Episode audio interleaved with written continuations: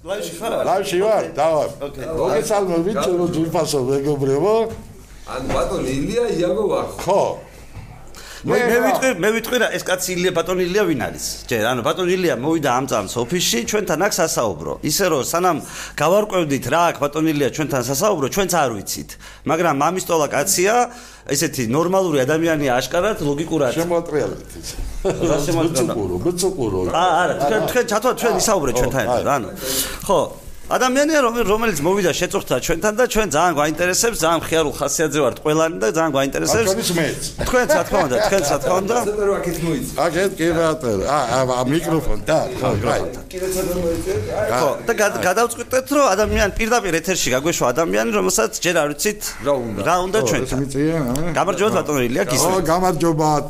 მოკლედ დიდი ხანია გეძებთ, ძალიან ცუდია რომ რომ გამოდიხართ თქვენ ეთერში. არასხადებთ ოფისის სადაგავთ, გამიგეთ? რომ აი, აბა, მოქალაქე რომ დაინტერესდება? კი მაგრამ გვიწერია ეგ არა არა ეხლა მე ეხლა იქ ეგენმა ეგარა კარგად არ იძებნება იქაც. იქაც არ იძებნება სხვათა შორის ჩემს ამდენიმე ნაცნობს შეფარულად.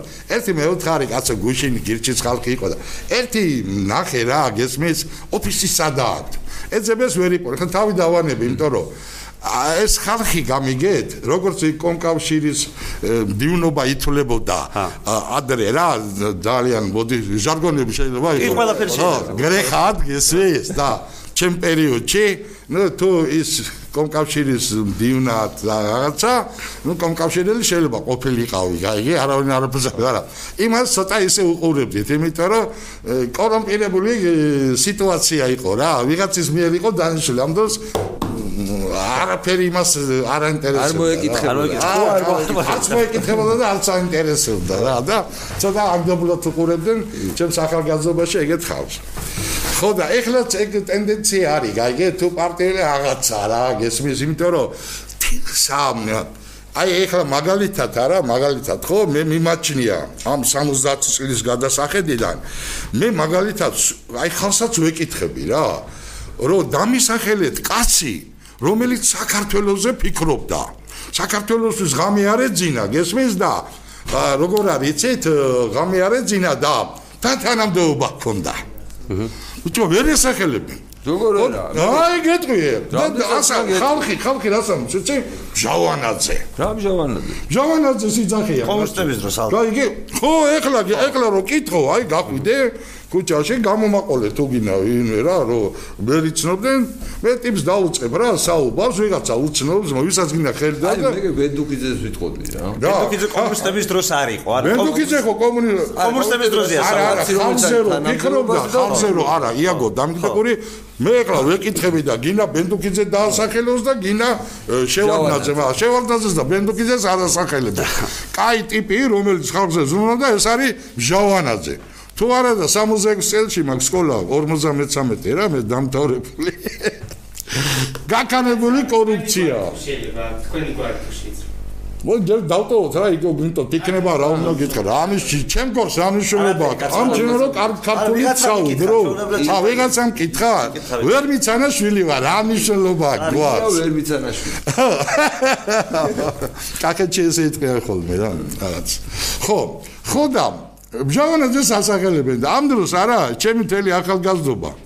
თან გვერდით ცხოვრობდი იქ ვერაზე რამე და ვიცი რა იმ პერიოდში მაგ სკოლა და სკოლაში ნასწავლი უმაღლესი გაიგე გესმის რა ისე კაცი და იყო მჟავანაძე? ბატონო რა კაცი იყო თქვა ეს შეკავ დივანი იყო კაცო შენ ხო და როგორი კაცი იყო ან რა როგორი კაცი იყო? ნერიბან ემიასა იყო რა ქვია აბა რატო აქებდა ხალხი? ხალხს- ხალხს რატო მოწონს? რატო და იმიტომ რომ კარგად იპარავდნენ მაშინ გაიგე აა პირველი თავისუფლება მოიტანა რა ხო იპარავდნენ გაიგე მოპარვის თავისუფლება. მოპარვის თავისუფლება გესმის შენ ის უმაღლეს დაამთავრე რაღაცა მე საწყობი რაღაც თანადობა მაგალითად ტაქსზე ვერ დაჯდებოდი და ასე მაინციდან იყო 500 მანთ მე ხთამი იყო მისაც თამი იყო მაგრამ ტაქსზე ვერ და ავტობუსზე ფული კეთდებოდა ხო ეხლა მაგიტომ არ აკეთებს გაიგე? ლიცენზირებას ბატონო ეხლა ეხლა ხო მაგ იგივეს ვაკეთებ თქვა ლიცენზირებას რო ვაკეთებ არა არა სხვა რაღაცა არა ეს ლიცენზირება სხვა რამეა კაცო ის თამი უნდა მიგეცა გარაჟის დირექტორისთვის მაგალითად სამეცინოზე იურ იურიდიულზე და იმაზე რომ იყოდრება,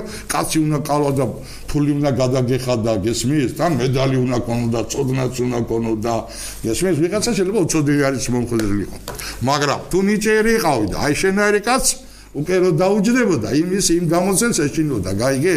ყველაფერს რო უპასუხებდა, იმისი უკვე ერიდებოდა რა, გაიგე? დაუწევდა ხუთიას, ისიც მოხდებოდა. სამაგერად მე დაწედნენ რომ აი კოლმეურნის შვილი სადღაც ან რაღაცა პროლეტარის შვილი მოხდა უმაღლესი სანიმუშო დანარჩენი ფული აიღეს ხო მე მაგალითად მეღორეობა მოღერე თუ წასულიყავი კოლმეურნობაში ვითომ სინამდვილეში ემზადებოდა რა რეპეტე აი რა საბუთები კეთება. მაგას თავი დავანებოდა ჟაუნაძე სასახელებია სხვა არავინ არ ახსენებათ წესიერი და პატიოსანი კაცი მე ახლა მოდი რა რომ დრო რო არ დავკარგო ხო ბატონელი რა მოგიყვანა? თობა გითხრა. ეხლა რა მომიყვანა? იმან მომიყვანა რომ მე დიდი ხანია დავდევ რა ამ ამბობს აი როგორც აა ოკეი, აი რო უყურებ ახლა ეს რომ მწვანეა რა, ეს კიდე შავია, ხო? აი ესე ძმო, მე როგორც ამომრჩეველი, რა ვგზნობ რომ მე რა არა მაქვს, რა ბერკეტი არა მაქვს, რომ ქვეყანა განვაგრძელო, რომ მე ამ ქვეყნის შვილი ვარ, გაიგე და მე როგორც მზიდნენ და მე რასაც მეუბნებოდნენ, გესმის ეს ყველაფერი ახლა ხელიდან მეცლება, გაიგე, გესმის? როგორ გზიდნენ და რა გეცლებათ ხელიდან? აი გასაგები რო იყოს მაყურებლისთვის. აი გეტყვი რა,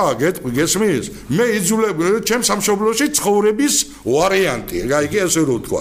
იმიტომ რომ ძალიან დიდმა ნაწილმა მოქალაქეებისა თავი დაადო და წავიდა და სხვა ქვეყნებში ცხოვრობენ და სხვა ხალხის ბიუჯეტს ავსებენ და განსაკუთრებით კიდევ მე გული იმაზე მწყდება რა რომ გვარები არ მინდა ახლა ჩამოგითვალო ძმაო აქიან თელი რიგი ნიჭიერი ხალხი გესმის გასულია და ზოგი გერმანიაშია ზოგი ამერიკაშია ზოგი იტალიაშია და აქ გესმის ოპერაში ხალხი არ დადის კაი მომღერლები იქ არიან, იქ მომღერიან. თუ ჩამოვა, ბილეთს ვერ იშოვნი, გაიგე? ხო და რა ვქნათ? აი ხო და აი რა უნდა ვქნათ? აი მაგაშია საქმე. ამიტომ აქ უნდა შეიქმნას ისეთი სიტუაცია, რომ ამ კაც წასვლა არ უნდადეს, გაიგე? ანუ ცხოვრება აქაც იშოვნოს. კულტურული, აი როგორც სულიერი, ისე მატერიალური და ამ კაცმა რო ეს ვერ ნახა, გაიგე, დაადო თავი და დღეს ეხლა ტრანსპორტი ისეა განვითარებული, დაждები და აქვეან სამი კვირა კი არ გინდა და სამი თვე გაიგე, გესმის? 8 საათი 12 საათი მოკლედ დედამიწის იაპონიაში იქნა რამდენი უნდა ტოკიოში წასულიყო 14 საათი 14 საათი ამერიკაში გონი 8 რა 11 რა ნუ რა ამიშლობა დაადებთავს ამოხდები კაი სივრცეში სადაც ჩვეულებრივი ნორმალური ადამიანი ძმაო ლოკმაპონის პრობლემა არ გეჭრება რა იქით შეგეხოცებია მოდი იმუშავე. რა უქნათ აბა? ხო აი რა ქნა აი ხა სანამ ხო რა უნდა ქნა? ამიტომ მე მჭირდება გესმის რომ ინდივიდუალურ პასუხისგებლობაზე იყოს აგებული ქვეყნის მართვა. და ამაზე არავინ არ საუბრობს მათ შორის თქვენ ჩვენ როგორ არ საუბრობთ? სულ მაგას არ საუბრობთ? აა შეიძლება მაგრამ ესე არა როგორც მე. როგორ გესმის აი ხა ინდივიდუალურ პასუხისგებლობაზე უნდა იყოს აგებული მთელი ქვეყნის მარცხა და ყველა ეს რამდენ კაცზე შევთანხმდებით 150 იქნება. და საერთოდ ყველა არჩევით თანამდებობაზე ყოფი კაცი გესმის უნდა იყოს მაჟორიტარული წესით რომლის ეხლა ხო ორივე მოდელია? არც ერთი უქნია არც მეორე. ხალხს ვერ აგდება აგე რა ძმაო? მე რამდენი ადგილზე ვარ? დიეგო ეგ ციფრები კარგად ჩენიცი სიგარები და მე თქვენ ციცით. სიგარების იმით რეიტინგი ჩემო ბატონო ამოდენა ბავ აი ეგ რა კავშირშია აი თქვა იმასთან აბა გიხსნა რა.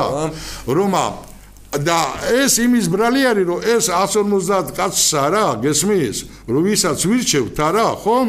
იმის გამო რომ უკან გამოწვევის კანონი არ არსებობს გაიგე ესენი ამ ადგილებს ყიდულობენ და მე 4 წელიწადი ეგო არაფერს არ აკეთებს ხალხისთვის. ერთი კაცი დამისახელე ამ 30 წლის განმავლობაში რომელიც იქ იჯდა ეს ამხელა თანამდებობა ჰქონდა და ხალხისთვის საჭირო გაიგე გესმის ღონისძიება ჩაატარა აი, მაგას შევეცდები გიპასუხებ, ჩემი მე რომ გამოწვევას მე მომწონს, გამოწვევის. კი, გამოწვევა მე მომწონს, მაგრამ სინამდვილეში ჩემი აზრით მან თქვა მაჟორიტარობა არ მომწონს. მაჟორიტარობა აი, ახლა მაჟორიტარობა თუ აი, მოდი, მოდი ესე შევხედო. არა, უკან გამოწვევა იყოს, ოღონდ მაჟორიტარობა არა, უკან აზრით უკან გამოწვა არ უნდა იყოს. ანუ უკან გამოწვა არ უნდა იყოს, ანუ ეგ არასწორია. ანუ ნებისმიერ შემთხვევაში იმას მოუწევს ნებისმიერ პოპულისტური რაღაცების კეთება სულ. ამიტომ გამოწვა. მოდი ახლა მე შევეცდები გიპასუხო. აი ეხლა აი მაგაზე მიგჯერია. ეხლავე გაგცემ. ერთმანეთს- ეხლავე გაგცემ მაგაზე. ეგ უკვე გავლილი მაქვს. გაცვალეთ. იმაში როა. ბატონო ილია, ბატონო ილია, მა- მაყურებელმა რომ გაიგოს თქვენი აზრი და იაგოს აზრი გაცვალეთ. არა, ერთმანეთს. ჯერა დამთავრები. დაამთავრე, აი, დაასრულე. მაშინ დაასრულეთ. დაასრულეთ. დაასრულეთ. ეხლა რა ხო ყველა მანდატი უნდა იყოს ინდივიდუალურ პასუხისგებლობაზე აგებული ეგ რას გულისხმობს? აი რაც გულისხმობს და მთელი საქართველოს იყოფა რა ვიცი რამდენ იმაზე შევთანხმდებით დეპუტატზე იმ 100 100 იმას კვადრატად და ესე ესე რო თქვა რა სიმართლე. 100 კვადრატად დავყოთ 100 გინა 200-ად გინა 300-ად გინა 50-ად ისე რაც ცოტა იქნება უმჯობესია რა რომ- ასად დავყოთ ისე სიმარტივისთვის. ასად რო ხო, დავყოთ. 100 100 დავსვათ რა, მეტი მე მგონი არცაა საჭირო, ეგეც ბევრია. ხო და ყველა არის ესე იგი 20000 კაცი ამ უჯრაშია, 30 იქ არის, აი 5 რამდენიც მოუწევს რეგიონს. 370 მოუწევს თითოეულ 100 თუ გვექნება თითოეულ კუბიკს. რამდენი აცაც? 370000 каცი მოუწევს ამომრჩეველი, 200000 ამომრჩეველი. სადღაც 200000 250000 ამომრჩეველი მოუწევს 1 კუბიკს. ერთ კუბიკს? ხო. რატო კაცო? თუ 100 კაცი ყავს ანუ 100 100 ადამიანი თუ ნაირჩეთ პარლამენტში ხო. 363 მილიონ 700 რაღაც ათასი ადამიანი 3 მილიონ 700000 ღებულობს, სულ ხო და მაგ 2 მილიონი ღებულობს. ხო და 2 მილიონი, აბა. 2 მილიონი 900 რო გაყო გამოდის რომ თითოეულში ცხოვრობს 290 ეხლა 2 მილიონ 900 ახლა მეც ვირჩევთ. მეც ვირჩევთ, ანუ ეგრე არის 2 მილიონ 900 გამორჩეველია დაახლოებით ხო, კარგი, ნუ რა მსურობა. მე ხო, რამდენიც მოუწევს რა. ესენი არა, მე რო შენ პირდებოდი რაღაცას, გაიგე, გესმის, მე მე იმას თუ ვარღო, მაგალითად, ბოკერია მიწოდა ხოლმე, რო ეძაებოდა ოპონენტი რო პირდაპირ ეთერში, გაიგე, კაცო, შენ რო ამას ამონდე, რატო არ აკეთებ? ბოკერია პასუხი გაგახსენდებათ. აბა რას პასუხობდა? პრიორიტეტები შეიცვალა. აჰა და ჩემი საქმე გაუარესდა და თუ თურმე ის უნდა აკეთოს იმან, გაიგე? ან დაპირებაში გადაგდებას გულ გაპირებაში კაცო ამას გავაკეთებ, იმას გავაკეთებ, აი და არაფერი აკეთება ხალხი არის ესე იგი ნიშვებული, გაიცმის? ხო და ამ დროს ვიღაცა თანამდებობის პირი ჯდება იქა და ესე იგი იწება აღმიცემობა უმაღლეს დონეზე და შენი პატრონი არავინ არ არის. გაიგე? ელემენტარული, აი მანქანის სამრეცხაოს ადგილი რომ მოითხოვ 20 კვადრატული, აი მაგალითად ნუცუბიძის ქუჩაზე არის სამრეცხაო რა, ძველი ატესი, აი ესეთი პატარა ობიექტიც რომ მე ვიღაცა მოვიდეს და მანქანა გაურეცხო და ფული მოგწეს, გაიგე ესეც. აი ეს არა, კაცს ვეძებ 20 წელიწადია, რომელიც ამას გამიკეთებს. ხოდა ვერ ვახერხი. ნუ, ა? კაცო, გეუბნება წადი შენ მოძებნეო, გაიგე? და მე რომ მოძებნი და თუ იმან მიიღო რომ კაი და მან სამრეცხაო იყოს, აი ეს ადგილი გაქვს იმაზე აუქციონზე. ნუ მე პირადად ის პრობლემაა რა. გაიგე და თუ არა, თუ და რომ მიიტან, რომ მიიტან არა იმას. შენ უარს გეუბნება და მე იმ ადგილზე თვითონ აკეთებს, იმიტომ რომ ფულიც ემას აქვს და ბეჭედიც, გაიგე? გავიგე ანუ აბა გავაგრძელოთ ხო, ამიტომ ამიტომ გაიგე? ესე იგი, ჩემი პრინციპი არის, რომ ამ ადგილზე, ამ ადგილზე ჯაყო და ის არა ქვია, კაჭი კაჭანტერაძე ვერ მოხვდეს, გაიგე? ამიტომ მე უნდა მქონდეს უკან კა გამო გამოხსოვს კი. კი პასუხებთ ანუ. ხო, და ჯერა და ჯერ და თან როცა უკან დავთვალოთ გამოწვევის პასუხებთ. კანონი, რომ ის რასაც დამპირდება თუ იმას აღარ ასრულებს და კიდე რაღაც სისულელებს აკეთებს, გაიგე?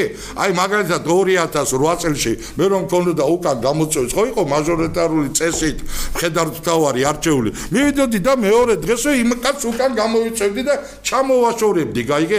ისევე შევარდნაძე იქ 14 აგვისტოს აგვისტოს რო წავიდა სოხუმში, ვითომ რკინიგზის დასაცავად, რამხელა ბლეფია, გაიგე? დააკვირდი. რკინიგზას ბეტერი დაწვა, ბეტერით უნდა დაიცვა, კაცო. ხო? რა ქვია? და მე ამოდენ ამბავი ატყდა და რა ვიცი რამდენი თვე იყო?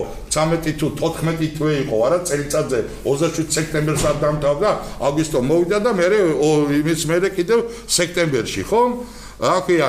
გამოვიწევდი ამ შევარდნაძეს უკან იმიტომ რომ მე მოქალაქი კი ხალხი კი იძახოდა რომ რა სისულელეზე მაგრამ ხელს ვერ აკარებ გაიგე იმ თანადობაზე დაჭდა ხო ინსტრუმენტი არ გაქვს ო ინსტრუმენტი არა გაიგე და ეხლა იგივე ის ჩემი ისა დაუშვათ ეს მაჟორიტარიც რომელსაც 4 წელიწადი ხელს ვერ მოკიდებ მაგალითად, ჩემო ბატონო, რომელი ერთი ჩამოთვალო? ვაკე მე ვაკეში ვწორო და ვაკეში იყო აკია სააკაშვილი იყო, შავგულიძე იყო, მე ეხლა ეს ვიღაცა არის კიდევ გესმის? ხო და ოფისები დაკეტილია, თუ ხარ არ ვერ გესმის? ამ კაც ვერ ნახავ. რასაც იწახოდა არჩევნებამდე სანახავს სანახვითაც ვეღარ ნახულობ რომ ამას რომ მომდი ეხლა იქნება აბა რა გავაკეთო როგორ გავაკეთო? არის უცოდინრობა ხალხი უცოდინარია განათლება არა აქვს არიციან ფული როგორ იშოვნონ რაში დახარჯონ შრომა რა ჯობია ბაზარი ბაზარზე რა ხდება? ამ ხალხს არავითარი ინფორმაცია არ აქვს. და არიან ესე დაიძე ბიოლოგიურ არსებებად იქცნენ გაიგე გესმის იაგო რა ხდება? ამიტომ ასეთ ხალხს ასეთ ხალხს ჩემი აზრით ჭირდება დახმარება, მაგრამ არა დათული, გაიგე, გესმის? არამედ აი როგორც ინგლისში არის, როგორც სკანდინავიის მე იქ ნამყოფი არა ვარ. თქვენ შეიძლება ნამყოფიც ახალ და უფრო მეტი ინფორმაცია გაქვს და მეტი იცოდეთ, რომ მე უბრალოდ სიუჟეტები მინახია, გაიგე, ტელევიზორში რა, რომ ინგლისში ჩავიდა აი პაკისტანიდან, რომ ვიღაცა წერა კითხვაც რო არის ის რაღაცა ნავით, რაღაცა იმით ჩავიდა, რაღაცნაირად და იმას სახელმწიფო სტრუქტურა არსებობს, რომ რომელიც ამის ადაპტაციას აკეთებს საზოგადოებასთან, ბინას აძლევს, საჭმელს აძლევს, ბავშვი ის არა გვაქვს, ეგ ფული ჩვენ მოქალაქეს ვიხარ პაკისტანის ერებს ვერდოთ. ხო, არა, არა. ეს ჩადის იქა და ეხლა აქ რატოა ინგლისის სწავლობა ამას რატო აკეთებს? გესმის, რომ ადამიანს აქვს უნარი, რომ იმაზე მეტი შექმნას 8 საათში, გესმის? უკვე გარკვეულ კვალიფიკაციას რომ ისენ, ვიდრე მას ჭირდება, ანუ აუცილებელი შრომა და ზედმეტი აუცილებელი აკიან ისა შემო აუცილებელი პროდუქტი და ზედმეტი პროდუქტი. გაგახსენდათ ხო ეს კატეგორიები ალბათ ხო? ხო და მისთვის როგორც სამუშაო ძალისთვის გესმის რა ღირებულებაც არის საჭირო მას შეუქმნია ამ საწარმო ძალთა განვითარების თუნდაც ამ ეტაპზე უფრო მეტი შექმნას ვიდრე მას ჭირდება და მე ის ზედმეტი იყოფა ორ ნაწილად შრომა ისე იქიდან რაღაცა ნაწილს თვითონ მიიღებს მე მაგალითად ვიცი რომ გერმანიაში გესმის აუცილებელი პროდუქტის ნორმა სახელმწიფოს მიერ დადგენილი არა ინდივიდუალური პირი არის საგადასახადოში არამედ ოჯახი ჩემო ბატონო და ის ნორმას თუ ვერ შოულობს ოჯახი რომელიც მათი კვლავწარმოებისთვის სულადობის მიხედვით არის საჭირო იქითკენ შეიძლება ნაწილობრივ სახელმწიფო დაგეხმაროს და და სახელმწიფოს აქვს სტრუქტურა რომელიც ამ ოჯახებს ამ ხალხს ეხმარება ზედმეტი პროდუქტის შექმნაში, საიდანაც 30% მიაქ თვითონ. მე მე შორ წავედით, ანუ ვერ გაგვიგებენ. ერთი წამით ახლა მე საშუალება მომეცით რომ გიპასუხოთ, ანუ არა, არ დამიცავრებია, მომისმინე. არა, არა, უბრალოდ რას ვამბობთ, იცი რომ, ანუ ჩვენ ხო თქვენ ხო თქვით რომ მაჟორიტარულ სისტემას ვაინტერესებს, სადაც გამოწვევის უფლება აქვს. ანუ ეს არ მინდა რომ ამაზე გიპასუხოთ. მაჟორი მაჟორიტარზე ვუნები, რომ მე რო ვიცოდე, გესმის, მე რო ვიცოდე, გესმის, რომ ეს კაცი არა, იმ იმ მე რო ესე იგი რომ ის ფეოდალებად გადაიქცნენ და იმათ არიან და ხალხს არ ნახულობენ და ყურადღებას არ აქცევენ და ნუ მოკლედ დაჟის ფუნქცია კიდე დაჟის კნოპკა კიდათ რომ ის ვიღაცა ცუდად რომ იქნება უნდა გადავაყენო კი არ დავსაჯო. ხო ეგ არის გადაყენება და ითვე იყოს კაცი აი შენაირი რომელიც პირდება რომ დავსვლას ახლა კონკურენცია გავზარდო ამ ადგილზე. კონკურენცია წესიერი და პატიოსანი კაცისა და მე შემეძლოს ყოველგვარი რა გავაკეთოთ მაგისტრის? აი როგორ ვქნათ ეგ? ხო და აი რომ მე უნდა მქონდეს უკან გამოწვევის და და არჩევის კარი გავიგე მე გავაგან ეს გინდა თანუ ჩვენ არა არა თქვენგან რა მინდა ეს საკითხი დაისვას. ან ჩვენ რატო არ საუბრობ რატო არ ეთანხმებით ამ იდეას ამას არა არა არა არა მე არ არ მე საერთოდ არ ეთანხმები ეს გითხარი რომ არ ეთანხმე ახლა მე შენ აბა როგორ დავშვა საკითხი? თუ ეთანხმები არა არა არა არა ეს კანონში ხო ეს წერია უკან გამოწვევა არა ხო და თქვენ ამბობთ რომ რატო არ ხო და არავის არ აწყობს ეს გამბავი იმიტომ რომ იქ იმით დავიწყე რომ წესიერი კაცი გესმის რომ გაარკვევენ ხოლმე არა? მე ჩამოვლილი მაქვს თითქმის ყველა პარტია და თქვენი როგორც იქნა რა ქვიან ეხლა ერთი ო ო ერთი ადგილიდან გავიგე და გეტყვი იმას საიდანაც გავიგე და რა ქვიან ეხლა მოგაკითხეთ გესმის? ხო. ნუ აი იმ შავი ზღვაში გქონდა ინსტიტუტში შეხვედრა თქვენს იმას იქ ტელევიზორში გამოცხადა და ეგრევე გავარდი 12 საათზე მივედი დაწებული იყო და ამაზე აა ჯაფარიძეს ვესაუბრე და რა ვიცი რაღაც მოეწონა რა თითქოს რაღაცები და მე იქ თქვენი თანამშრომლები იყვნენ რომელიც იღებდნენ. შენ იყავი იქ ხო და რა ქვიანა? აა იმას მე ჩუმად ვკითხე რომ ოფისსადაგა გამრაკელის 47-იო და ეხლა აი გამრაკელის 47 მეგობრებო იცოდეთ გამრაკელის 47 ჩვენ მისამ 47 არ არის? კი. ხო და ამოვედი გაიგე გესმის რომ ამაზე მე ლაპარაკნა რომ მე როგორც ამომრჩეველს მაწყობს გესმის რომ ეს ზურაბიშვილი იქნება მე ვიქნები შენ იქნები თუ ვიღაცა გესმის ეს აი როგორც სამოქალაქოში არის იაგო განქორწინება განქორწინება. გესმის ორი ადამიანი დელეგირებას ხო უკეთებს ერთი მეორეს შეყავს კონების მესაკუთრე ხდება ის ნივთები მაგრამ რატომ არის რომ განქორწინების კანონი ამოქმედებას იწყებს იმავე წამში როგორც კი ქორწინების აქტი დამთავრდება? იმიტომ რომ მეორე მხარე ისეთი რამე შეიძლება ჩაიდინოს გესმის? რომ ამას კაცო ეს კანონი დაშინდეს და ეს რო არ იყოს ხო არა? ჯერ არის და ხალხი ერთმანეს რა დღეში აგდებს შენ წარმოიდგინე რომ არ არსებობდეს ეს ხალხი ერთმანეთს ასუსავდა. არ მე არ ფიქრობ ეგრე. ბატონო, მე არ ფიქრობ. ჩვენ მასე არ ფიქრობ. ხო, არა, არა, მე ხო არ შეიძლება გიპასუხოთ, ანუ მე ახლა ვეძებ კაც, ვამთავრებ უკვე, რომელიც უკან გამოწვევის კანონი მოეწონება? ხო. იმიტომ რომ მე ბევრ ამომრჩეველთან ამაკ გადამოწმებული და ყველას ძალიან მოწონს. მათ შორის ჯაფარიძესაც ძალიან მოეწონა. მეც მომეწონა იაგო. გესმის? ხო, არა, მე ჩემი ანუ მე იმიტომ რომ აზრი გამოვთქვა თორე და მოგდოს ზოგიერთ ადგილას თუ ეს კანონი იქნება თუ ეს კანონი იქნება თუ იქ არ დაფიქსირდა რა ქვიან რომა ესე იგი უდიდესი ნაწილს აღარ უნდა ამის იქ ყოფნა გაიგე გესმის ეს ელექტრონულად ხდება ძალიან მარტივად. სხვათა შორის ჯაფარიძეს მოუყევი როგორც ხდება აი სტრაფი გადახდეს იქაც კი შეიძლება ეს დანერგო მიხვდა უცბად დაფარიძე და თქვა ო კაი ვარიანტია გესმის თუ მე ფორას გაძლევ ახან შენ ერთხელ იქ მოხდი 60%-ს გაძლევ გაიგე მაგრამ თუ შენი იმ კვადრატის 61% მოვა და უარყოფიც იქ რო არ დააჭერ ხელს გამოვა ქვითარი გაიგე ანუ იმისა და ის ვინც პირველ ადგილზეა ის აიღებს იმ ქვითარს და წაიღებს და დაჯდება იმ პარლამენტში და დაიწი უნდობლობის პროცედურაა ჩაოლება რა უნდობლობის ხალხის რატოა უნდობლო? არა, უნდობლობის პროცედურა ქვია მაგას. კი ბატონო, შეიძლება მასე ქვია, მაგრამ მე შეერა შუბზე ახლა რომ პირდები ამას ვიზავ, იმას ვიზავ, არა? შეიძლება. რო აღარ გააკეთო? ჩამოვაყალიბებ ბატონმა ილიამ რას გითხარ? ო, აბა თქვენ ახლა პროფესიულად ჩამოვაყალიბებ. მე მე არა თქვენ მე მომისმინეთ და თუ შეიძლება. თუ შემეშლება შემისწორეთ. ანუ მე რა გავიგე თქვენ როგორც აი მოქალაქე მოვიდა და პოლიტიკურ პარტიას მისი აღმასრულებელი შეკვეთას გაძლევ. რა რა თავმჯდომარის სახით ბატონი იაგო ხუჭა ირჩის რა ქვია თავმჯდომარე. მოქმედი თავმჯდომარე. მოქმედი თავმჯდომარე. აი ახლა მოვიდა ბატონ ბატონი ილია ისეთი თხოვნით რაც ჩვეულებრივი რაციონალური ადამიანისთვის სრულად გასაგებია. უყურა უყურა თავის ხელისუფლებას რომელიც რაღაცას პირდებოდა ყველა ატყუებდა. არანაირი ბერკეტი როგორც მოქალაქეს არ ქონდა რომ ეს თავის მიერ არჩეული ადამიანები რაიმე თვალსაზრისით გაეკონტროლებინა მოდის და იზახის რომ იმას დაუჭერო მხარსო ვინცო დამპირდება რომ ამ ბერკეტის შექმნაზეო ზოგადად იფიქრებს მაინც ან იმუშავებს მაინცო ხო? სწორად გავიგე. კი კი დაახლოებით ეგ კი კი მე ესე გავიგე. მე როგორც ადამიანი რომელსაც ამ სისტემებზე ბევრი დიდად არ მიფიქრია და ასაარჩევნო სისტემებს გულის ხო? კი მიფიქრია ან ეს ზერელეთ. ბატონი ილიას წუხილი მესმის კი მეც მესმის მესმის გონია რომ ძალიან ბუნებრივი ამბავია რომ თუ ითხოვ ჩემგან რაღაც პონჩი ხმას ის რაღაც მინიმალისტური მაინც დამიკმაყოფილე და შეიძლება აქ არის ტექნიკური საკითხი როცა იძახი 60% მე მგონი მაგას პრინციპული მნიშვნელობა არ აქვს. 60 ვაძლევ კაცო მნიშვნელობა არ აქვს ანუ რაღაცა რაღაცას რაციონალურად შეთანხმებული რამე მითხარი რომ იმასაც თუ თუ მოკლედ თუ გადაიჯვა კონდეს საშუალება რომ გააგიშვა რა. თავ გამოდიო რა ჯო რა ისე არის კომპლების გარეშე. ეხლა გამოდიან ეს პარტიული ლიდერები ტელევიზორში. და იძახიან ჩვენ მოუწყობთ შემშელობას ქუჩაში გამოვალთ ამას ვიზა ბიჭო.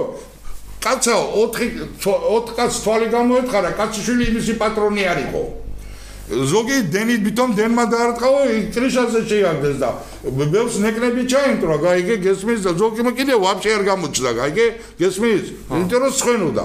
ხო და არ მინდა რა ეს კომბალი მივიდე ცილა და თუ აღარ მომწოხარ მივადო. და თუ კიდე ეხლა მაჟორიტარებიო ყიდულობენო მაჟორიტარულ სისტემაში თუ 60%-ს მოისყიდის ღმერთმა შეარგოს ძმაო.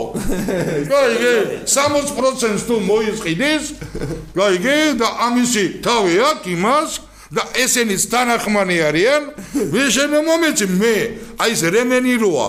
რემენი დამაკიდინე მანქანაში, მაგრამ გავიკეთო თუ არ გავიკეთო, ამაზე ნუ დამაჯარიმე, გაიგე? მე უნდა გადავწყვიტო, რემენი გავიკეთო თუ არ გავიკეთო. ესევე მე უნდა ვწყვიტავდე. და მე კიდევ ახლა ალასანიას ვეკითხები ერთხელ ალასანიას. მეოთხარი იქ იყრიდა სადღაც კენს პირველად რო ამერიკიდან ჩამოვიდა და საბჭოს ქუჩაზე გადავეყარე რაღაც ლონდონი როა ხო იცი სკვერია რა კლარა ცეტკინზე რაღაცა ხო და ჯავახიშვილის ქუჩაზე. ხო და მე ვთხარი ახლა ეს იქიდან მოდის კაცო რომ მეორე დღესვე მივხვდი რომ უკან გამოწვევის კანონი მჭირდება რა რომ ეს ჟულიკები მოაშორო ამ საქმეს და ესმის ეს ტიპები რომ ჯერ იძახე რა კარგია რა კარგია მე რომ მივხვდება რომ გაიგე ის ტოტი უნდა მოჭრას ამ კანონს თუ ხმას ამოიღებს რომელზეც თვითონ თუ ზის ხო ვაფშე და თუ დაჯდომა უნდა გაიგე ის ხო იქ იმიტომ არ მიდის რომ ჩემი მდგომარეობა გაუნჯობს სივცე შექმნას ის კი არა გაცავიდეს ვენახი გამითოხოს გაიგე. გესმის? რომ სივცე ეკონომიკური სივცე შეიქმნას გაიგე სადაც მაგალითად აი როგორც გერმანიაშია ამერიკაშია თუ სადღაც კაცო ვიღაცა ჯულიკი ჩადის აგერა მილიონერი ხდება აბა ეხლა უპასუხოს ერთი არ გაინტერესებს თავმჯდომარე თავმჯდომარე რას გვეტყვის? ხო აბა ერთი თავმჯდომარე რას აი მოდი ეს შევხედოთ რა ამ საკითხს? ძალიან საინტერესო იდეაა თავისთავად ხადია. ეგეთი მათ შორის პრეცედენტები რასაც თქვენ ახლა ამბობთ მაგის პრეცედენტი არის ადგილობრივი თმართლობის კოდექსში უნდობლობის პროცედურა ქვია. ანუ თუ რაღაც თანამდებობაზე კაც აირჩევენ და შემდეგ უკვე აღმოჩნდება რომ ამ ამრჩევი ხალხის რაღაც უდიდესი ნაწილი 2/3 ანუ რაღაც მიხვდება რომ ეს კაცი ხასარჩევი არისო შესაძლებელია თავიდან დაიწყოს პროცედურა ამ კაცის ჩამოსმის შესახებ. ამის პრის გვაქვს, ოღონდ სხვაგან არის რა, ცოტა სხვაგან არის, მაგრამ ახლა მე გეტყვი რა მომწონს ამ იდეაში. ცოტა ნელა გველაპარაკე. და რა, ახლა მაწყვეტიებს. აი უგური, უკვე. აი ვიძაბები, აი ბატონელია, ხო გინდა რომ გესაუბრო? ვა ბატონო ახლა, უკვე აცდა, გაიგე. არა, ბატონო, ბატონელია, მე ბატონელია, მე მივიღე. თქვენ ხო შეგიძლიათ თქვენ ხო ჩემი პასუხი გაიტერესებს. თუ გაიტერესებს, მაშინ არ შემოწყვეტეთ. მე მე მე მე დელეგირება გამიკეთა მოდერატორის ფუნქცია მე მომოცა ბატონმა ილიამ. ეხლა წნარად ამიხსენი რას ველაპარაკე, რატო რა რა პრეტენზიები გაქვს ამ იდეასთან? არა, პრეტენზიები არ არის. მე გიხსნი ზოგადად იმას, ანუ რა არსებობს ამ ამ მოდელის მიმართ კრიტიკა რა შეიძლება არსებობდეს და საღიაზრის დონეზე უნდა განვიხილოთ. აა პირველი მე თავარი კრიტიკა რაც მაგდა ის გამოც ჩემთვის უფრო მეორე ხარისხოვანი ამის განხილვა არის რა რომ მე მაჟორიტარული სისტემა არ მომწონს მიხვდი და არა არა მანდ ხომ თავარი რა არის იცი რომ თავარი მაჟორიტარობა არა დამთავრებია რა.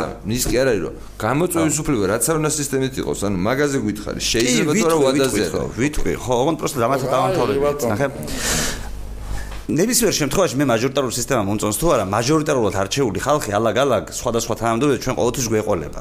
და მაგ შემთხვევებში ეგ სისტემა იქნება ძალიან გასაგები, ანუ ჩვეულებრივად უკან გამოხმობის თეზისი ადამიანის მექანიზმი ადამიანის რომელიც იქნება გასაგები, ანუ როდის ხდება, რა პროცედურები დეტალურად ახსნილია და შეიძლება გამოვიყენოთ არჩეული კაცის უკან გამოსახულება. ხო, მაგრამ მოდი წარმოვიდგინოთ ოპოზიციონერმა, შენ მე ვარ ოპოზიციური პარტიის ლიდერი და მოვიგე რომელიღაც მაჟორიტარულ ოლქში, ხო, მოვიგე. ხო.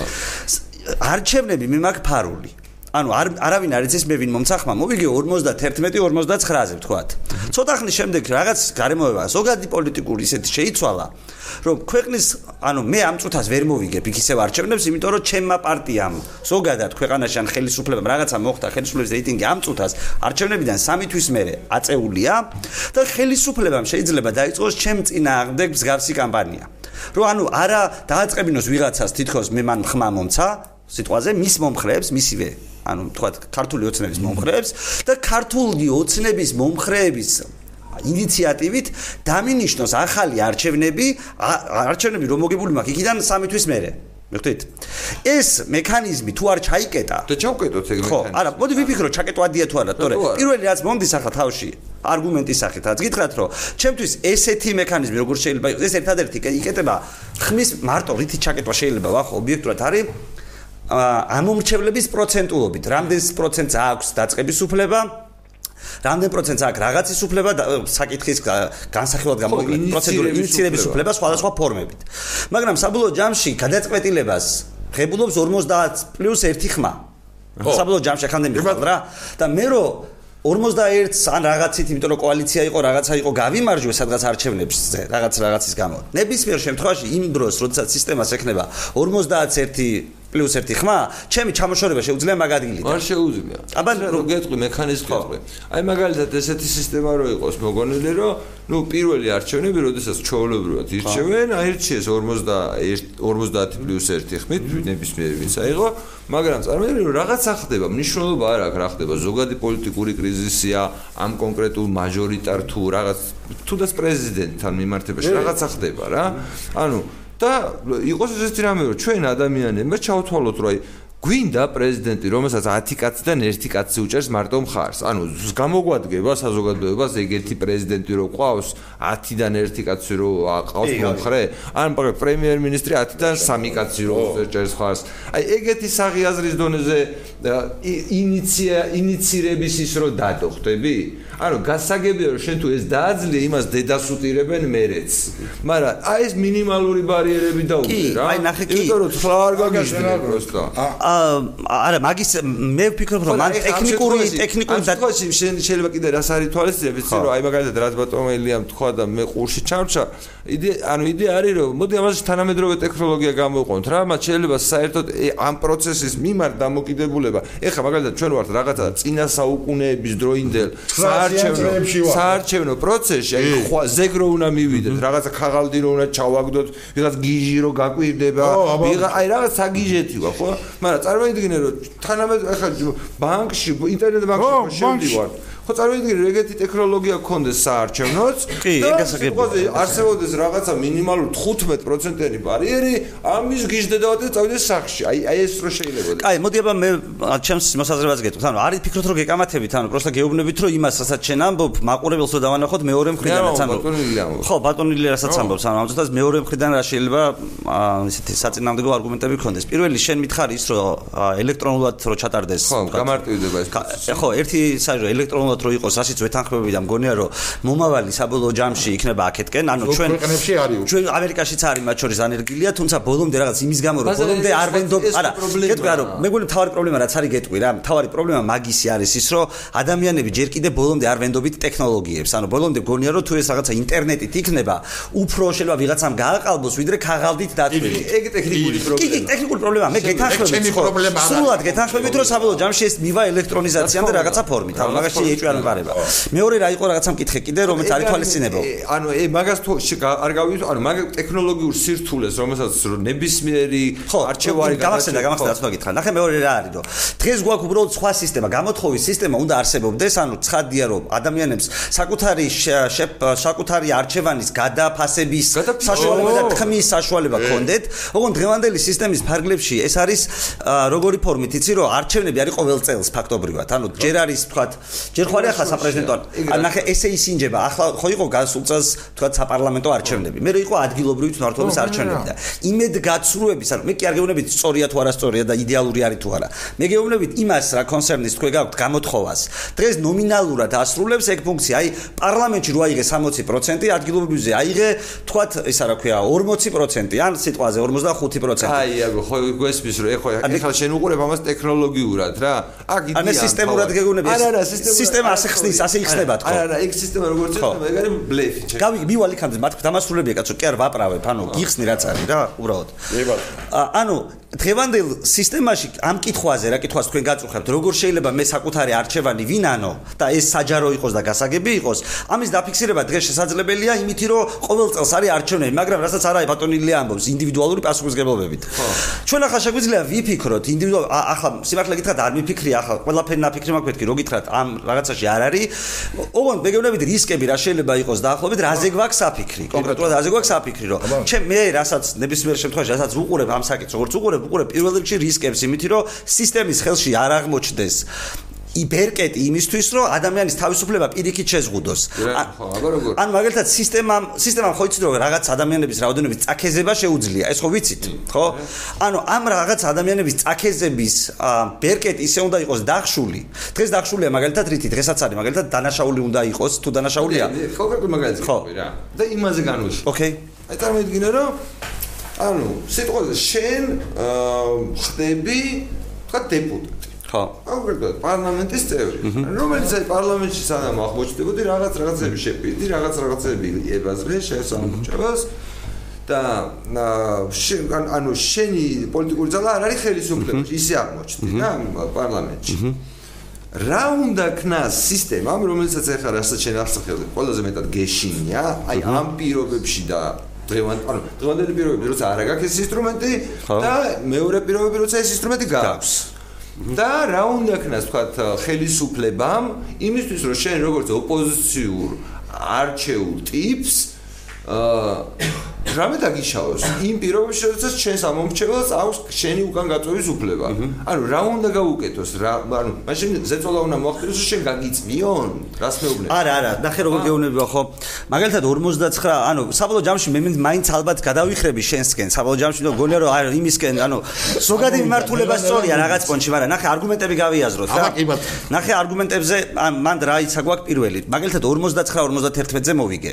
თქვა ოპოზიციონერი ვარ რა ამ ამ თანადებობისთვის თქვა მე და ბატონმა ილიამ ხო. სტანდარტად დავადგინეთ რომ აი დეპუტატი 15%-იანზე სირი არ შეიძლება აა, ოკეი, მაშინ კი, მაშინ 15%-ზე სირიე თუ ეგ დაზღვევა გაქვს, რომ ჩამოგა. უბრალოდ, როდესაც როდესაც შენ აკეთებ 15%-იან დაზღვევას, ვიღაცამ შეიძლება ეს ცოტა ხანში გახადოს 25, მე 30 და მე 50. არა, მაშინ მაშინ რაღაცა მომენტში ეს დაკარგავს შინაარს. მაშინ დადგება ის სიტუაცია, რომ ნებისმიერი გადახედვა არის 50 პლუს 1-ო. შენ რო თქვი წაღან. თუ შენ ეს არ გიყენია წინასწარ, ანუ შენ თუ წინასწარ თამაშის წესები არ აქვს განსაზღვრული. მაშინ უაზრო. ხო, მაშინ ნებისმიერი უაზრობა და მაშინ უაზრობა. საბოლოო ჯამში მაგას რა წარმოიდგინე რომ ლეგიტიმაცია ვიღაცის თვალში ლეგიტიმაცია შეიძლება იყოს 50 ხრი თქვა გირჩი 50% თქვა გირჩი ძმაო ხო. შენ თუ დაკარგავ 50%-ზე ნაკლებ ხარდაჭერას თუ მიიღებ შემდეგ ეგეთ გამოწვეულ არჩევნებზე მაშინ შენ გადაგირჩევთ. ეს შეიძლება მიიღოთ ხო საბოლოო ჯამში? არა ბიჭო ხო არ არის მოდი ეს- ვერ გავიგე აი მაგ ოკეი თავიდან აგიხსნე თუ ვერ გაიგე. გავიგე. თავიდან აგიხსნე ნახე. მე ამირჩიეს ხო, აგირჩიეს, დღეს. კი ბატონო ჩაულებრივი წესი. ჩვეულებრივი წესი 50 პლუს 1 ხმით. კი. 51% მაქვს რა თქვა სიმართლე. 51. 51% მაქვს. შენ თუ დაწევ ბარიერს რომ 15%-ზე ნაკლები არ შეიძლება მქონდეს არა, არასოდეს. მაშინ მე არაფერი არ მიმუქრება. ცხადია და ამ სისტემას თვითონ არაფერი პრობლემა არ ემუქრება ისე ვთქვით, რომ შეიძლება ეს საღიაზრის დონეზე 20 იყოს, 25 არა ნიშნულობა რა ნიშნულობა არა. 20 იყოს მაგრამ თუ ვიღაცამ თქო საბოლოო ჯამში აი ეგ თუ ჩაგიხსნა შენ თუ გააწესებ ასეთი რეგულირებით თეორიული რისკი შენ ხო მაინც ხსნი კარებს აი რაღაცის კარებს ხსნი ხსნი რომ ამ კაცის უკან დაბრუნება შეიძლება ანუ ვინც ავირჩიეთ, იმის უკან გამობრუნება შეიძლება ამ კარებს ხსნი. თუ ამ კარებს ხსნით ხო შეიძლება როდესღაც, შეიძლება იმითი რომ ზოგადად ბიუროკრატიას ან რაღაცა ძალაუფლება, ზოგადად ხრწნა შეუძლია ბუნებრივად, შეიძლება ეს ბარიერი შეიძლება 20 დააწესე დღეს აღიაზრის დონეზე და აწიოს იმ იმამდე რითაც აგირჩიეს. 51%-ით. თქვას რომ მე შენ მე არ წარმოვიდგინე ეგეთი პროცესი. იცი თუ ეს თუ ეს სისტემა უკან გამოწევს ხალხზე ზრუნვის მოტივით. ხალხზე ზრუნ გამოწევს ხალხზე ზრუნვის მოტივით. კი, ოკეი, მაგრამ ხალხზე ზრუნვის მოტივით შეიძლება ვიღაცამ დაწეროს არა ხალხზე ზრუნვის მოტივით და ის რა ქვია განმარტებით ვარაჩი ჩაგიწერონ რომ ჩვენ საქართველოს მოსახლეობაზე ზრუნავთ. ამიტომ 51%-მა თუ აერჩია და ესენი თუ მიხვდებიან მომავალში რომ ეს კაცი არ გამოადგათ ისევ შეეძლოთ გამოწვევა და ისევ 50%-იანი 50-50 იყოს ისევ აუ ეგ რაღაცა აი არა, უყურე არ უშვებ, არა. ხა, მე უბრალოდ მაგ პროცესაც კი ვერ ვხედავ. რადგან შეიძლება საზოგადოებაში ეგ დებატი შედგეს. ბიჭო, არ ვიცი, მე ხო ხოხთან გაიხლა მოდიში ერთი წუთი და- ეხლა ეს ხო. აკიანია გო რა იცი აი ეხლა რაც კანონმდებლობაშია კანონმდებლობა არსებობს იმას ვერ შორდება კაი არა, როგორ არა, შორდება. აი ვერ შორდება იმიტომ რომ აი, დაჟე თავისუფალი 51% არც არის საჭირო ეს აი ეს მოდიში ეხლა ჩავერთები რომ თქვენთვის უფრო ჩემი მოსაზრება არა მე კი არ გეუბნები გეწინააღმდეგე არა არა საბოლოო ჯამში მე შემიძლია ანუ მიუხედავად რისკებს რომ გავაანალიზებ ამ ყველაფერში ანუ იქიდან რომ დავინახავ თავისუფ მომატებული თავისუფლების თავისუფლების ფარგლები თუ იზრდება მოკლედ ხო თუ დღეს 51% კი იაგო ეხლა მე რო უკვირდები 51% არაფრის განმარტებელი არ არის. აგერ აი იცით როგორ არის? ერთი ესე იგი შევთავაზეთ რომ მაჟორიტარულია ყველა მანდატი ხო და იმ უჯრაში ვღებულობთ მონაწილეობას. რა? ო რა ვიცი მე ამდენსაც უნდა იმდენმა დაწეროს რომ მეც მინდა. რო შეხვალ საიტზე გაიგე და შენ ოლქს რო ამოაგდებს. იქ წერია ვინ არიან კანდიდატები? შეიძლება რაღაცა- ელექტრონული სისტემა გვიქვს. ელექტრო ამ სხვანაირად გამრიცხული. აი ბანკში ძმაო მივდივარ მივადებ გესმის. გიგინა სეს გამოვიდა მინდა სეს დავაბრუნებ. ამაში ვინმე ერევა სადმე ეს შენი გააკონტროლე იქა რომ იქა ვერანი ვერ შეძურეს გაიგე გესმის. იქ რო იქ ხელი არ შეგვიშალოს დემოკრატიაში და რა ქვია აქ მე მომეცი რომ მე ავირჩიო და ეს 51% ე, იაკო გამოდის ეხლანდელი კანონიდან. 51 კი არა. არა არა მე თეორიული დაშვება ვთქი არა არა არა თეორიულად როგორ უნდა იყოს? იცი ჩემი ახლა ჩემო ვიტყვი რა.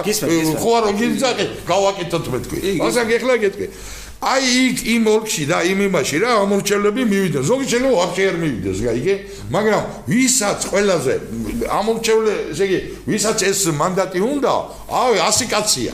მაგრამ აკიან ვინც რომ ამ 100 კაცი გეთანხმებით, გავამთავრებ რა ო მე რა სხვა მე ჯერ ხო არ მიტყვია. ვინც ყველაზე მეტი ხმა ეკნება ეს შეიძლება მომჩევლის აა ის იყოს კაცო 20% 20 კაცის ხმა წავიღე მაგრამ და 20 კაცი მოვიდა 1000 კაციდან გესმის? ვისაც მეტი ეკნება რომ მიაჭერს ის საბუთი გამოვა იმ კაცზე. იმან შეიძლება ვაფშე გაიგე არც ამომჩეველი მოვიდეს და არც არავინ. გესმის? იმან თვითონ უნდა გადაწყვიტოს. მივიდეს თუ არ მივიდეს? ჩაერიოს თუ არ ჩაერიოს? დატოვოს თუ არ დატოვოს გესმის ჩვენ მე უნდა ვწყვიტავდი ამომრჩეველი აი ეგ მეცად ერთი ზამი შეიძლება რომ დავაზუსტო ხო. ანუ ესე იგი თქვენ ამბობთ რომ ანუ თქვენ ახლა გახვედით საერთოდ როგორ ავირჩიოთ ანუ 100 კაცი დარეგისტრირდა და- ბიჭო არა აიყურე ვერ- ვერ გავიწევ. აიყურე არის ოლქი ამოვიდა ის 100 უჯრა ხო? 100 უჯრა გვაქვს რა. ერთ უჯრაში რა ხდება? ერთ ერთზე მსჯელობ კაცო. ერთი მანდატია. ერთი იქ დეპუტატი უნდა წავიდეს მე დავსებობ საკანონმდებლოზე ჯერა რა რომ მარტივი იყო მართ სიმარტივე. ხო და იმ იმ უჯრაში გესმის იმ მაცხოვრებლებს. ამ თუნდაც იმ იქ არ იყოს მაცხოვრებელი სხვაგან ცხოვრობდეს. კანდიდატს უნდა ჰქონდეს უფლება თუ გინდათ იმაში იყოს ახალ ზელანდია. ო ახალ ზელანდიაში მაგრამ თუ იმ კანონს აკმაყოფილებს მიიღოს მონაწილეობა ჩვენი მოქალაქე უნდა იყოს ხო ხო და ნუ ვიღაცებმა გამოთქვეს სურვილი რა ეხლა ხო 25 კაცია რა ამ ერთ ადგილზე. შეიძლება 30-მა დაწეროს განცხად დაწეროს კაცო მე ამის ხელს არ მეჩლება. გესმის? ამაში თავი ვიტყვი რომ ჩემ პრობლემას ვერ კონკურენცია კი, ბაზარი არ არის. კონკურენცია ხო, მე- და ვინც ყველაზე მეტ ხმას იმ პროცენტს კი არ ვი- ვითვლი ამორჩევი და რამდენი 51 მერე მეორე ტური არა მიიღო? ვინც მეტი წაიღო იმაზე გამოიწერება საბუთი წავა და ის დაჯდება ამ სკამზე კი ბატონო, მაგრამ აი მაგალითად უშვებთ იმას, რომ რომელიღაც უჯრას მართავდეს ტიპი, რომელმაც სიტყვაზე 10 კაციდან ერთის ხმა აიღო.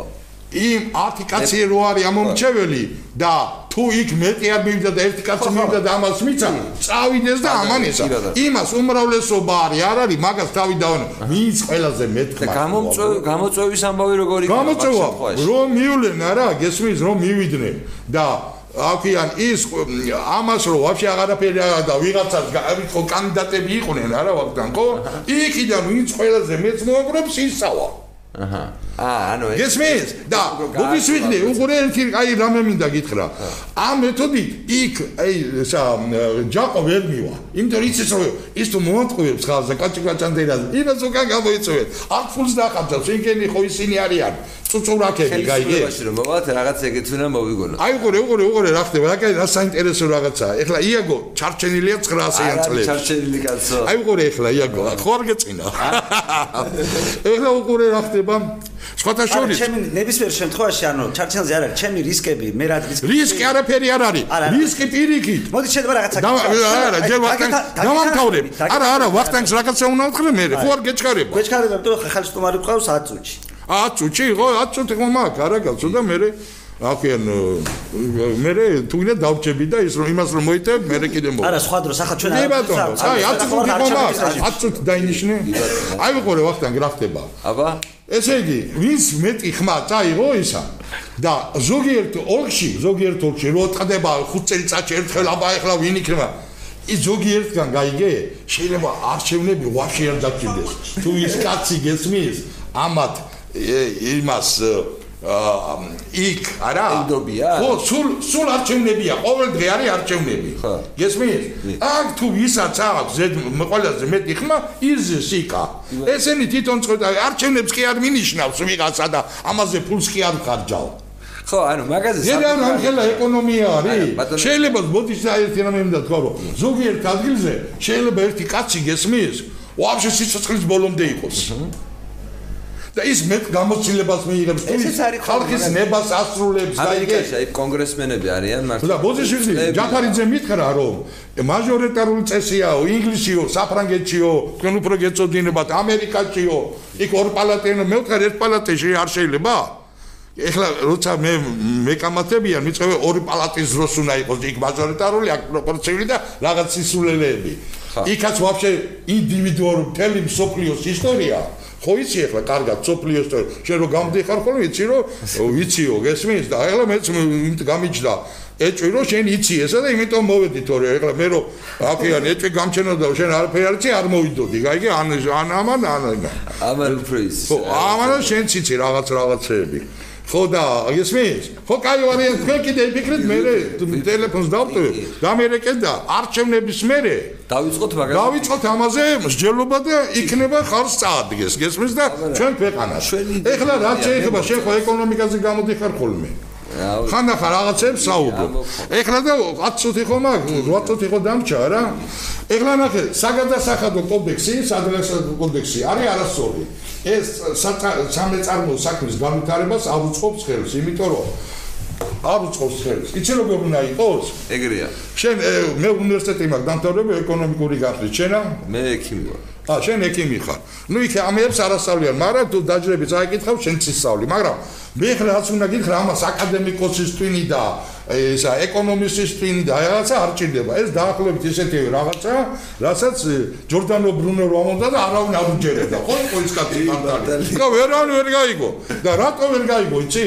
მე საკითხი რომ შევისწავლე. დამჭა შტაბეჭილება გესმის რომ იმან რაც თქვა მაშინ ეკლესია თუს დაკარგავდა გაიგე და აი ამისი ამაზე როგორც კახეთ სიტყვიან აი მაგისი მუცლის ტკივილი ჰქონდა იმ ეკლესიას იმ კათოლიკური იმას გაიგე რომ მაგუც კარგავდნენ გესმის და ამიტომ იყო რომ ეს კაცი 52 წელსა ბოლოს დაწვეს და ბოლო 8 თუ 10 წელიწადი დილექში ამყოფეს აკენ ტყავებზე წყალი იყო გესმის რომ მომგვარიყო ეხლა მე- მეორე ამბავს გეტყვი რა. აბა, საგადასახადო აი საგადასახადოზე და დავამთავრე და მაგაზეზე მე არჩევნების მე ეხლა მეც უფრო შედარებით თავისუფალი იქნება აუცილებლად ოღონ ძმაო ოფისი უნდა გამოიცვალოთ არჩევნების მე მიდიხართ აქედან. არ რატო? ანუ რა პრობლემაა არა რომ მე სად მოგძებნო გაიგე ესეც არიძებნებით. დავრჩები. ხო, კაი, ძალიან კარგი. ხო და მე რა მე რა მინდა, ეხლა საგადასახადოზე გითხრა, აი როგორ არის ძმო. ესე იგი მე რო არ მეწარმე, მე ამ კანონმდებლობით, ამ კანონმდებლობით სალარო აპარატი რომ მომცეს არა, ხო? მე უნდა ვიხადო ბრუნის მიხედვით. მაგრამ ამ ბრუნიდან მე შეიძლება იმდენი არ დამჭეს, რომელიც ჩემი როგორც სამუშაო ძალის კლავ წარმოების უზრუნველყოფა მოხდება. ამიტომ ესმის აი მაგალითად მე რო შევდივარ იმაზე ქავთარაძეზე ბაზრობაზე და პატრონა ხო იცი რაც არის? ანუ პატრონა, რაზეც ლაპტოპი კი კი როგორ ანუ ნატურას რო ყიდულობ გესმის და იმ პატრონასაც მეგონი ქართულად პატრონა ქია და რაღაცას რო ყიდულობ დაუშვათ მაგალითად საიზოლაციო ლენტს ხო? ის ჩეკს არ არტყავს გაიგე. და? ერთხელ წვიმა აი რო ვიყიდე წვიმა წამოვიდა და ეხლა ამას მოთხარი ბიზნესში რა ხდება როგორ საგადა ეხლა მე ხო ეს მაწუხებს ეხლა იქ მინდა გავიგო ეს რას ფიქრობს გაიგე რა თქმა უნდა მოეწონა მე რაც უთხარი ეხლა შენ რასაც გეტყვი. ხო და ამან რა თქვა რომ აი მე ვთხარი იმის გამო რომ აქ არ არის გათვალისწინებული გესმის რომ შენ ამ სალარო უკანა უ- სა- სალარო აპარატის უკან რამდენი კაცი ამას მობმული გაიგე და იმათ რამე შემოსავალი აქვს თუ არა ხო? შენ იძულებული ხარო ჩეკი არ ამოადგა დამალო შემოსავალი ხო? რა რა რა წინადადება გაქვს აი ახლა მე გეტყვი გესმით ხო და იცი რა? მითხრა და მე ხო არ მოვთხოვე იმას ჩეკი ის რაღაცა რო ვიყიდე. ხო და ახლა ჩვენ ორი კრიმინალი ველაპარაკებით ერთმანეთს გაიგე არა კაცო რა ის კრიმინალები არა არა არა მომისმინე. მე ხის არ მჯერა. ხო არა. ამჯერა რომ არა ორი ადამიანი რომელიც ერთმანეთს რამეს უცვლის შეიძლება ის სადა კაცო ბაზრობაზე ვიყიდე რა ხო, არა კრიმინალები ვერ იქნებოდით. კაი ახლა მაგალითად მე ახლა ფალიაშვილზე ხორცრულ ყიდულობ ჩეკი იმას არასოდეს არ ეგრე მომქრა კრიმინალი არ არის კრიმინალი? არ არის? აბა კრიმინალი არის სხვას რო დაუშავებ რამეს. აი, აი, გაიგე. სანამ სხვას რამეს არ დაუშავებ, კრიმინალი არ არის. ა არ არის? ხო, კონკრეტულად. კაი, მაშინ. ჩვენ ესე გონია. აა, შეიძლება. ხო. ეხლა ნახე რა ხდება, გასმი? აა, რა მინდოდა მეთქვა? ხო. ანუ ხო, ჩეკი არა, საქართველოს ჩეკს ავი დავანებოთ. რა ეხლა ეს იუმორში მოვყევი რა რაღაცა. ეხლა უყურე ვაგზელებ. მე არა არ ჩანს. მე რამდენი მჭirdება როგორც სამუშაო ძალის კლავ წარმოებისთვის რა თანხაა საჭირო ეს არც ერთი კანონმდებლობით არ აჩანს. და რა თქვინდა? არა, იმიტომ რომ მე არა, როდი როდის არ უნდა ვიხადო, აი დაუშვებ შოულობ ასლარს დღეში. გესმის? ხო? იმ ასლარიდან. და მე თუ შოულობ 50 ლარს და თქვენ ხო, და არა, ასლას ხო, რაღაც და აი გავყურე, დამიდეყური რა. აბა. 100 ლარიდან უნდა გადავიხადო, ერთი კაციოა რა. არ არავინ არ ამყავ. ანუ ეგ თქვენი ანუ შემოსავალი ეხლა ასე ეხლანდელი კანონმდებლობით არა მე არა იმ 20 100 ლარიდან არა უნდა გადავიხადო მაგრამ ეს ჩემს სამუშაო ძალი როგორც პიროვნების ანუ ადამიანის კლავწარმოებისთვის არის თუ არა ეგ ვინ ბატონო ვინ უნდა გაარკვიოს ეგ? აი გერმანიაში სახელმწიფოს მიერ არის გარკვეული ეგა აუ აბა აი უყურე უყურე არ მომწონს ეგ ამბავი. არა ეხლა იქ ეგრეა. რა უქრა აი უყურე? არა მომისმინე კი ბატონო შენ არ მომწონს მაგრამ მე ძალიან მომწონს. ეხლა ნახე რა ხდება. იქ არის ოჯახი საგადასახადოში აყვანილი. და არსებობს ნორმა ერთი კაცის კლავწარმოებისთვის რა არ თანხა საჭირო აი მე მგონი ბატონო ილია თქვენ ისეთ საინტერესო წინადები გააქვთ რომ ჩვენ უნდა შევხვდეთ ხოლმე და წინადები განვიხილოთ. ხო ეს ამოიწურა დრო. ანუ მე ძალიან დიდი მადლობა რომ მობზანდით და გაგვიზიარეთ თქვენი აზრი. პირველი აზრი მე მომწონს და მე ბატონ იაგოს პირდებით რომ სანამ თქვენ შემდგომმა დაბარჩენების მერე მობზანდებით ხო.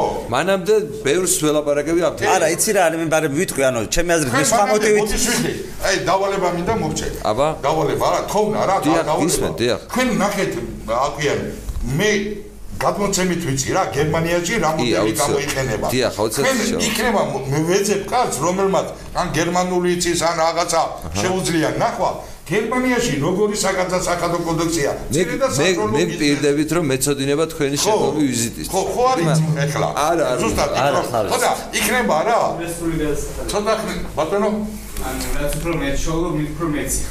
პროგრესული გადასახადია აი გუჯამიც. ხო ხო. გუჯამიც. ხო. დიდი რამე. ისა შევისწავლოთ ეგა კი, იქ როგორ არის? და გერმანელები ხო იცი ეხლა უთინო ხალხი არ არის კი ბატონო აუცილებლად ჩემი კარგად იგავით. არა კარგად იგავით. მოგეწონა? გამორდეთ უკვე კიდევ ძალიან საინტერესო იყო